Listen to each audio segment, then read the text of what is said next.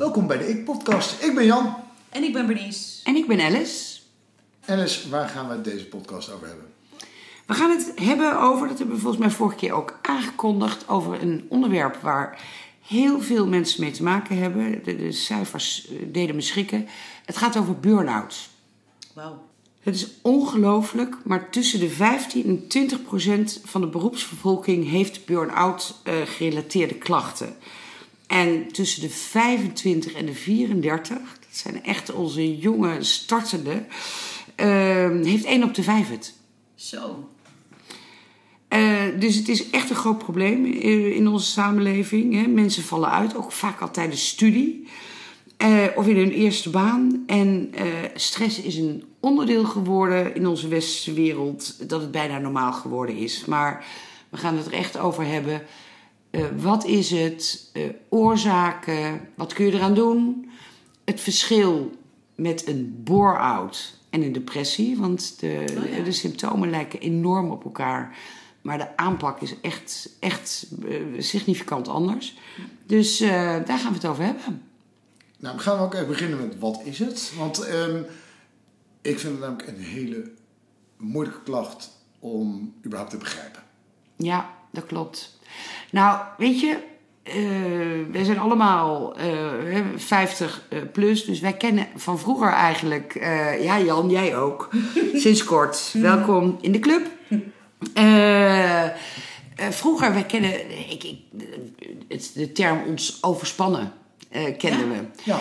En dus dat is eigenlijk het, het voorstadium van burn-out. Letterlijk opgebrand zijn. Je, batterij zo uh, leeggetrokken hebben dat je niet meer kan. En, maar daar gaan we het ook over hebben. Wat, wat is een burn-out? Het, het kenmerkt zich door klachten op mentaal, emotioneel en fysiek gebied. Maar het wordt altijd voorafgegaan door een langdurige overbelastingen.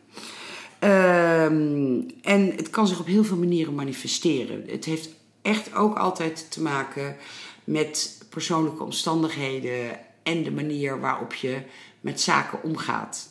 Dus dat is eigenlijk ook de samenhang met heel veel onderwerpen waar we het tot nu toe al over gehad hebben. Nou, dat wordt allemaal. Bij perfectionisme heb ik volgens mij in ieder geval gehoord hierover. Maar en perfectionisme kan regelrecht tot een burn-out leiden. Veel mensen relateren het rechtstreeks aan werk. Ja, dat dacht ik ook altijd. Ja, en ja, het is een beetje een flauwe uitspraak, maar van alleen hard werken raak je niet burn-out. Uh, maar uh, in werksituaties is, is het gebrek aan autonomie een hele grote oorzaak, hè? ongeveer de helft. Uh, maar waar we, we hebben naast de symptomen waar we het over gaan hebben en wat je eraan kan doen, het heeft zo'n grote impact op onze maatschappij. Even het individu wat uitvalt, wat vaak langer dan een half jaar uit de relatie is, uh, dus financieel veel impact. Uh, het moet vervangen worden. Uh, dus het, het heeft qua impact en wat organisaties gaan kunnen doen, vind ik belangrijk. Wat waren die percentages? Wat zei je nou net? Echt, bij welke leeftijden? De leeftijden tussen de 25 en de 34 is het 1 op de 5 die burn-out gerelateerde klachten heeft. Dus 20 procent is echt heel hoog. Ja. Dus of je een manager bent of dat je hem zelf hebt, dit heeft zo'n enorme impact op niet alleen jezelf, maar op, op gewoon eigenlijk gewoon heel Nederland. Op alles. En moet je even voorstellen, die gezinnen, hè, waar. Ja, hè, uh, dus ja, hè, wat, wat zijn nou. Uh, uh, het, het, het wordt veroorzaakt door stress. En niet alleen door werk.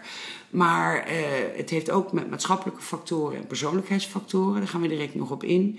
Maar wat zijn nou kenmerken van een burn-out? Want iedereen die met een burn-out kampen heeft, die loopt te lang door.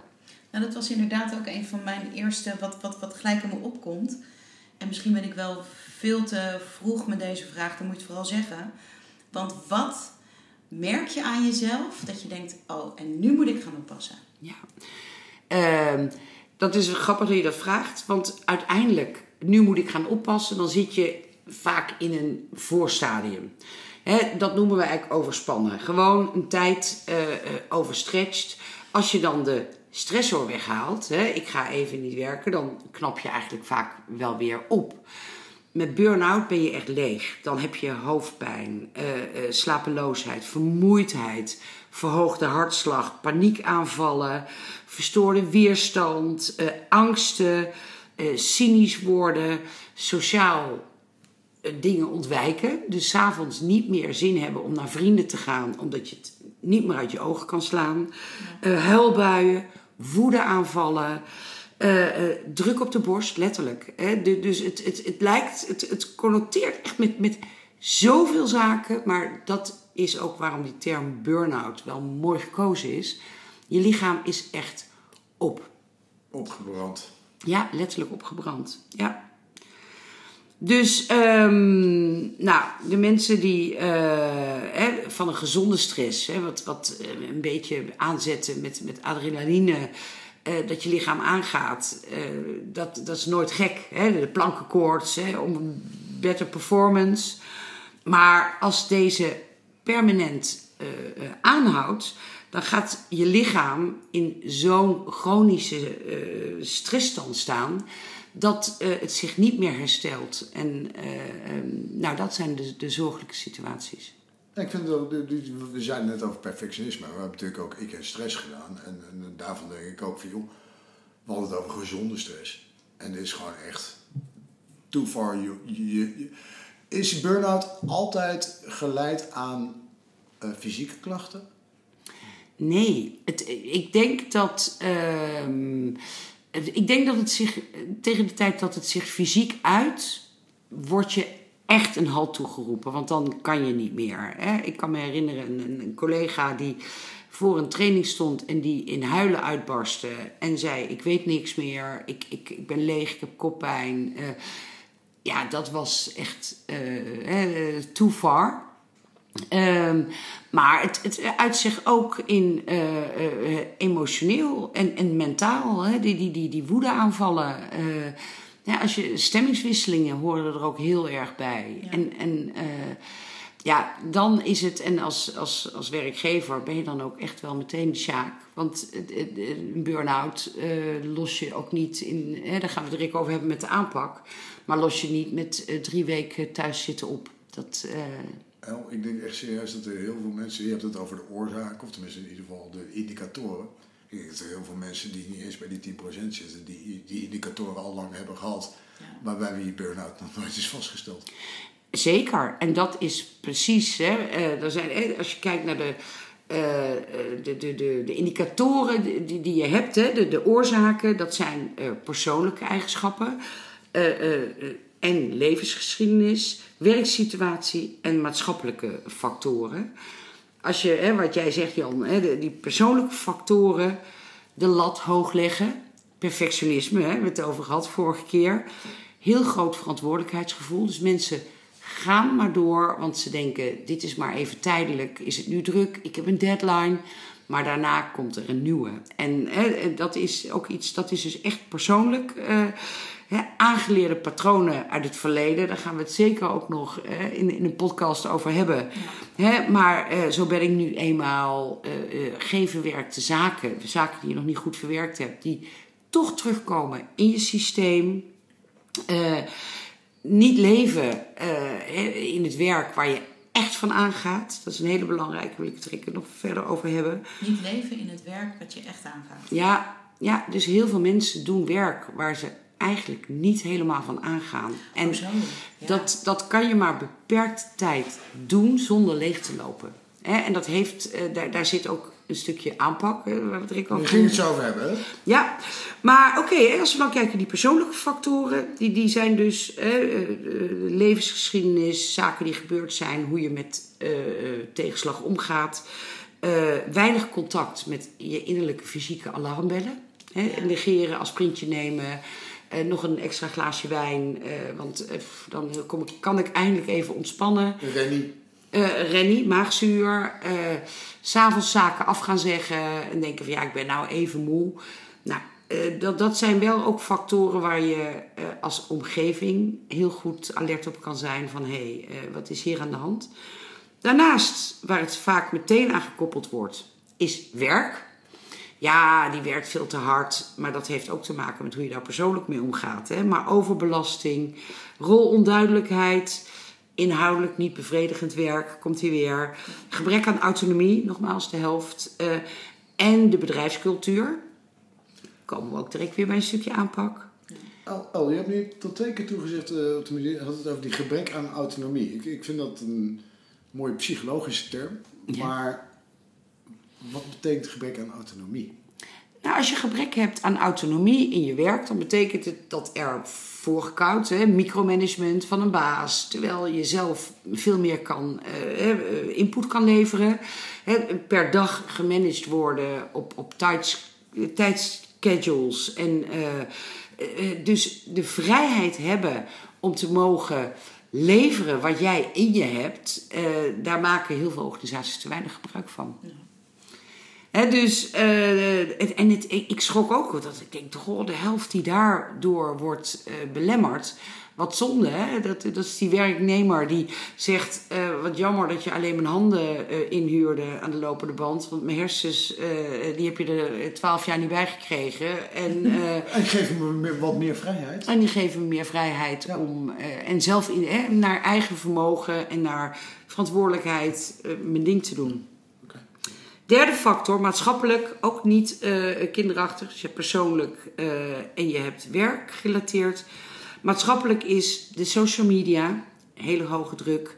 Mijn leven moet perfect zijn. En ik moet eh, vaak op vakantie, moet ik ook nog blij kijken op foto's. En, eh, eh, de arbeidsmarkt speelt daar een rol mee. Van, kan ik wel van rol veranderen en, en voel ik mij... Nou, hebben we momenteel een iets andere arbeidsmarkt dan vijf jaar geleden. Maar ook daar zit, zit een belemmering. Eh, mensen met dubbele taken, eh, eh, alleenstaande ouders, ehm, eh, die, die ook nog thuiskomen en vinden dat ze daar en naast een zware baan hun kinderen en hun sociale leven eh 500% moeten handhaven. Dat zijn allemaal factoren die, die bijdragen tot, tot het echt afstormen op een burn-out. Het is niet alleen maar je werk. Nee, en daar wordt de aanpak vaak als eerste gekozen. Hè, van eh, ga maar even lekker eh, afstand nemen. Ja. En er dan achter komen dat je na drie weken pff, eh, eh, thuis zitten nog niet opgeknapt bent. Ja. Erachter komen dat het misschien juist verstandiger was om op werk te zitten. Omdat die burn-out thuis gecreëerd heeft. Ja, sorry, maar... Nou ja, hij kan thuis gecreëerd zijn, maar werk, werk kon niet meer. Want letterlijk burn-out, dan, dat, dat is, eh, hè, dus veel aanpakken zijn wel echt afgestemd om zoveel, eh, zo snel mogelijk weer terug aan het werk te gaan. Eh, maar niet op het natuurlijke herstel van het lichaam. Dus ah, rust is ontegenzeggelijk de eerste stap. Hè? Eh, afstand nemen, niet in contact met datgene wat je net over de kling heeft gejaagd. Hè? En dat is dan vaak een werkfactor. Maar ook mensen die niet werken kunnen een burn-out hebben. En dan is thuiszitten eh, ook heel confronterend, want dan word je dus permanent. Hè, Du- dus daar zit ook een hele eh, een factor die niet eens in deze cijfers van 20% opgenomen zijn. Als je dan afstand neemt van je werk, dat is stap 1. En je, je komt tot rust. Maar ja, je slapeloosheid helpt niet om daar iets in te eh, doorbreken. Het vraagt om een absoluut holistische aanpak. Als ik kijk naar, naar de burn-out cliënten die, die we hebben gehad binnen VP, gaat het om eh, fysieke rust ten eerste. Dat lichaam moet echt weer een batterij van min 10 eh, heel rustig aan opbouwen. Eh, mentaal, hè, wat, wat, wat heeft mentaal geleid tot die burn-out situatie? En emotioneel. Vraagt toch ook echt wel een beetje vroeten in hè, echte kern durven raken. Van wat zijn de patronen die hebben gezorgd dat jij de, je interne alarmsignalen niet eerder hebt erkend. Het lijkt ook een beetje op een soort van sluipmoordenaar die er langzaam insluit. Dat is ook zo. Niemand krijgt van de een op de andere dag een burn-out, terwijl het wel zo lijkt. Want er is ineens een moment eh, dat je stilstaat. Terwijl alle kleine prikjes daarvoor. Het is een beetje als eh, ik rijd in een auto en ik hoor een rammeltje en ik zet de radio harder, dan hoor ik dat rammeltje niet. hè, en dan is het er ook niet. En dat is helaas wel waarom het ook zo'n langdurig herstel vraagt. Ja, dat komt niet vanzelf. Het is een opbouw van jaren, dus het zal waarschijnlijk ook even duren voordat je er vanaf bent. Exact. Kom je er volledig vanaf? Ja, en dat is wel echt, eh, Dat is het goede nieuws. echt het goede nieuws. Je kunt er volledig van herstellen. Sterker nog, iedereen die echt goed uit een burn-out is gekomen, heeft enorm zijn eigen grenzen leren kennen. Want het, is, het gaat altijd om eh, grenzen leren kennen, oude patronen, echt vaak ook ja, een beetje eh, psychologisch, maar eh, oude situaties echt een keer een plek geven. Ook echt onderzoeken, zit ik op de juiste plek in mijn werk? Dus het vraagt gewoon absoluut eh, hele intensieve professionele begeleiding. Hier Ja. kom je niet alleen eh, uit. Echt heftig. Ja, ik, het, het raakt mij ook altijd. Want mensen zijn zo eh, ehm, eh, gesloopt, letterlijk. Hè? Hè, het, het, van, ze kunnen 's ochtends hun bed net nog af en toe uit. Maar eh, na één rondje lopen met de hond eh, op je bed gaan liggen. Van, nou, dit was het dan. Hè? Eh, dus, dus juist hè, als je kijkt naar het eerste level van herstel, is ook echt de natuur. De natuur is een hele mooie, een natuurlijke heler om fysiek weer niet continu in dat hoofd rond te malen, maar echt puur echt lichaamswerk te doen van in- en uitademen. eh, en en dat, dat zal op het begin echt wel, wel met wat begeleiding en dat is prima. Hè, maar dat eer, de- eerste, eerste interventie is altijd op, op fysiek level van eh, tot rust komen. Het lichaam letterlijk ehm, eh, uit die hele red race halen focussen op het hier en nu. Ja. Als je door het bos loopt, kijken naar dat paddenstoeltje of eh, eh, die, die, dat, dat prachtige bloemetje eh, in de berm. Want dat wint je namelijk ook om uit je hoofd te gaan. Hè? Iedereen die, die, die ik heb ontmoet, die, die in die burn-out heeft gezeten, die negeerde heel veel signalen, ook, ook van in het hier en nu. En, en dus, dus je hebt weer in contact te komen met wat gebeurt er in mijn lichaam en wat, eh, wat observeren mijn ogen. Hoe is het met mijn ademhaling? En dat vraagt, dat is echt de eerste, echt stap één. Hè? Natuur is dus echt een hele goede. Eh, dus rust op fysiek niveau. Eh, dan, dan kom je emotioneel. Hè, want er komen enorm veel tranen bij kijken. Dan is het echt heel belangrijk om in te zoomen op oude patronen. Hè, wat maakt dat je ineens eh, je zo leeg voelt? Eh, dat heeft te maken met zaken die of niet goed verwerkt zijn, of zaken waar je een ontzettend inadequaat eh kopingsmechanisme Mechanisme. mechanisme op hebt. Ja. Hè, dus om dat onder de loep te nemen, dat maakt namelijk, en dan komen we toch wel weer een hele oude bekende om de hoek kijken, dat je weer iets meer regie over je eigen leven gaat krijgen. Hè, daar komt hij. Van wat is het wat ik doe, wat mij nu niet meer dient, wat me heel ver gebracht heeft. De circle of influence. Daar komt ook de Daar circle of influence. Ja, Zeker. Waar kan ik iets aan doen? Ja, hè, en, ehm, en, en dan komt zeker ook de werkfactoren erbij, maar dan zit je echt al een tijdje in, in de herstel. eh, eh, hè, mensen met een burn-out willen vaak ook zeker niet in contact met eh leidinggevenden en, en met collega's. Hè, maar daar zit vaak wel net de trigger hè, die mensen die in een werksituatie burn-out raken, in ieder geval van over de kling zijn gegaan. Van wat zit er in die werkfactoren eh, en of dat nou autonomie is of eh, werk wat inhoudelijk niet bevredigend is geweest. Ehm, dus daar zit ook een stuk aanpak vanuit organisaties. Hè. Ehm, wat doen organisaties, hè, behalve eh, de arboarts erop zetten, hè, waar je iedere vier weken moet melden of je alweer iets meer belastbaar bent. Hè, wat, wat vaak hè, ook, ook best pittig is voor mensen. Hè, want ze moeten Ja. steeds vertellen, ja, ik ben nog niet belastbaar. Maar ja, hoeveel dan wel of hoeveel dan niet? Ehm, en als we dan bekijken dat eh, er een generatie aankomt, hè, generatie Z, die eh, nu de arbeidsmarkt eh, op eh, en die pikken het niet als er geen ruimte is voor lichtheid, aandacht voor hun ontwikkeling, vanuit hun passie leven. En zeker ook na corona eh, eh, hebben zij in hun eerste baan vaak een bepaalde lichtheid gemist van het kletsje bij het koffiezetapparaat. Het even niet eh, productieve eh, eh, uur, maar wel eh, hè, wat de cohesie bevordert. En niet ieder uur eh, alleen maar. eh, en ja, nee, zij hebben te maken gehad met ieder uur thuis achter die computer. En gewoon verantwoording. Stress. Ja, en dat heeft een hoop stress. Dus ik denk dat daar ook de, de, de, de, de, de cijfers van de, de, de jonge werknemers wel heel erg toe bijdragen. De oudere generatie is het helemaal niet zo gewend hè, om alles. Die, die hadden stress van hun, hun Zoom en, en alle technische eh, Ja. nitty-gritty.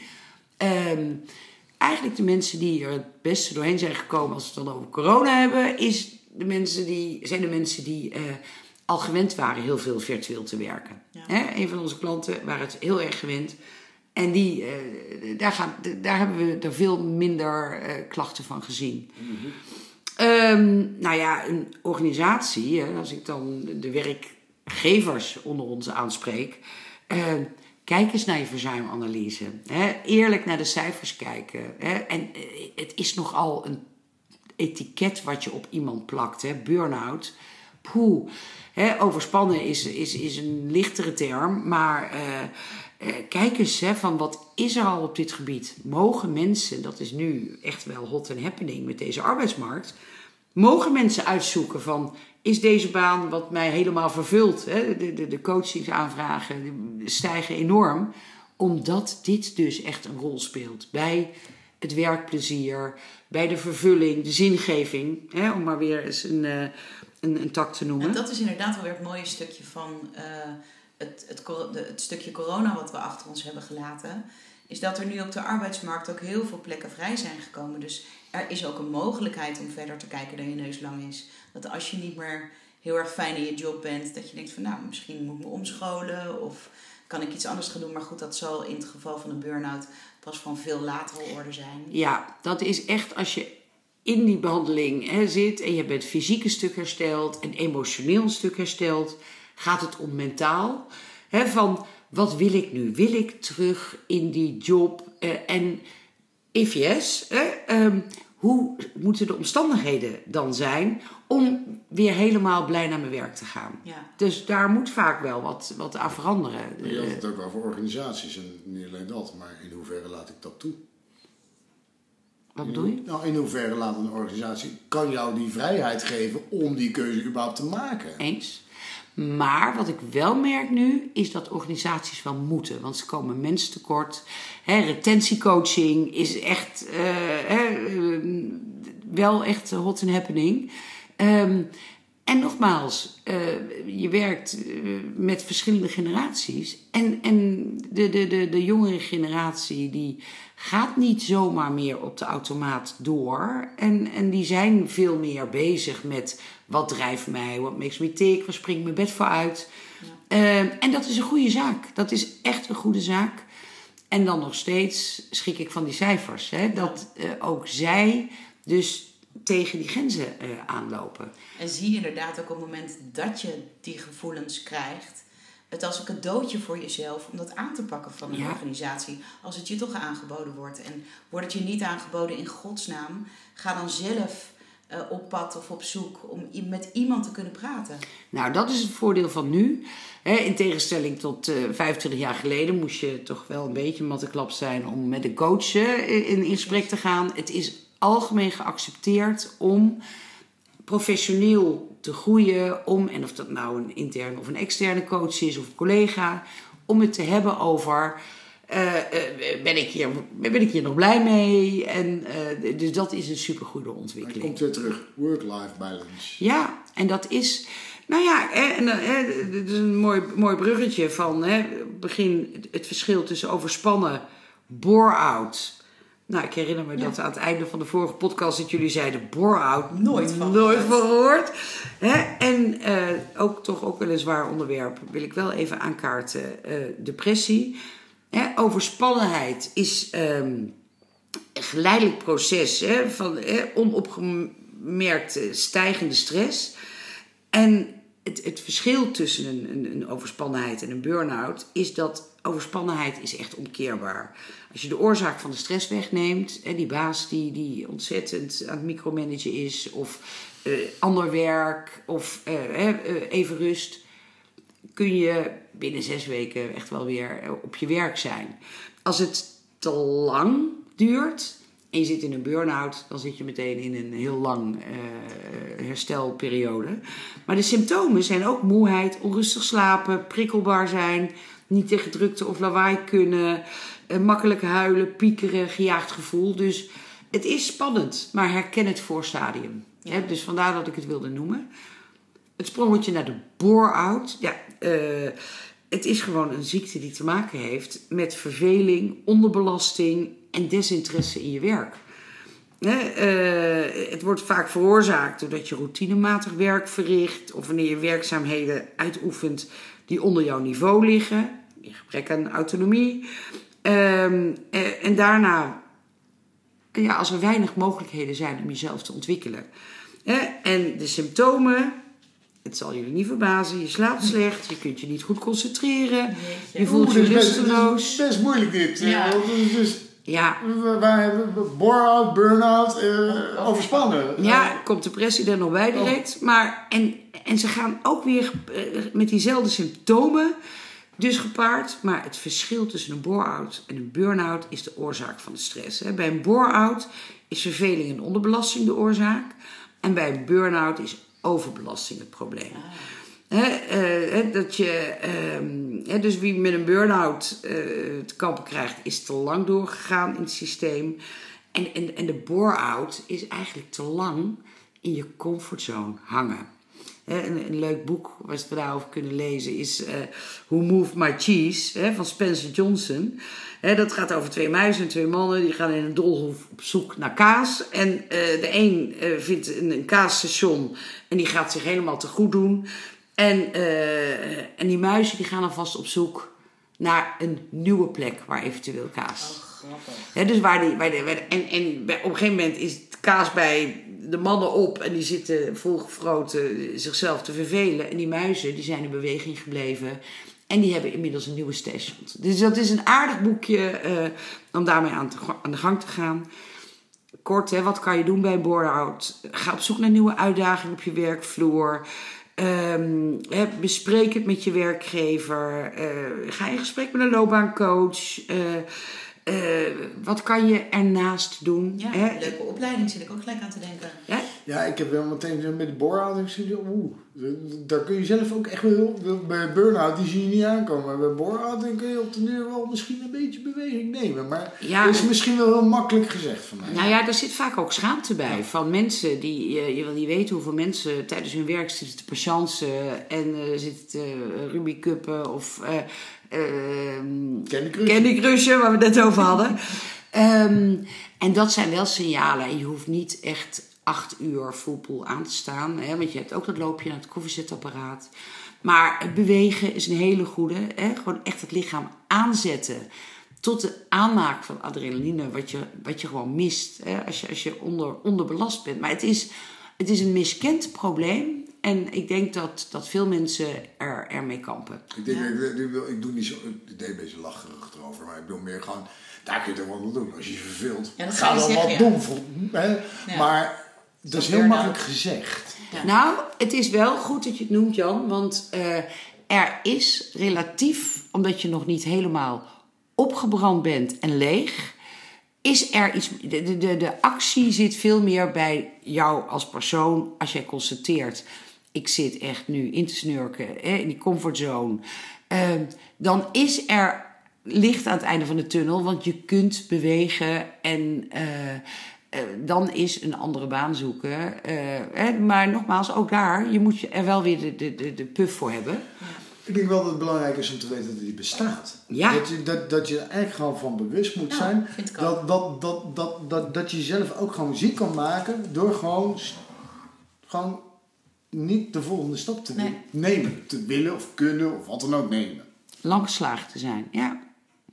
Nou ja, en dan nog, hè, eh, ook als waar, hè, burn-out en depressie lijken ook weer, de klachten lijken ook weer op elkaar. Ehm, en eh, bij beide ben je hartstikke moe en eh, je kunt niet meer en je ziet het eigenlijk allemaal niet zitten. Hè, maar bij een burn-out gaat het echt om de verstoring van je energiebalans. En de vermoeidheid staat echt op de voorgrond. En bij een depressie, dat is echt een stemmingstoornis uh, staat het sombere gevoel uh, op de voorgrond. dus je, je beleeft zelfs geen plezier meer aan de dingen waar je, waar, waar, je vroeger wel van, van kon genieten. En um, wat ook een belangrijke indicatie is, mensen met een burn-out hebben ochtends soms nog wel wat energie. En aan het, gedurende de dag verloopt, wordt dat minder, want dan ben je leeg. Bij mensen met een depressie is het vaak precies andersom. Die beginnen echt aan de dag van waarom zou ik überhaupt hè, mijn bed uitkomen. Uh, en gedurende de dag hè, kan dat zomaar net iets beter worden.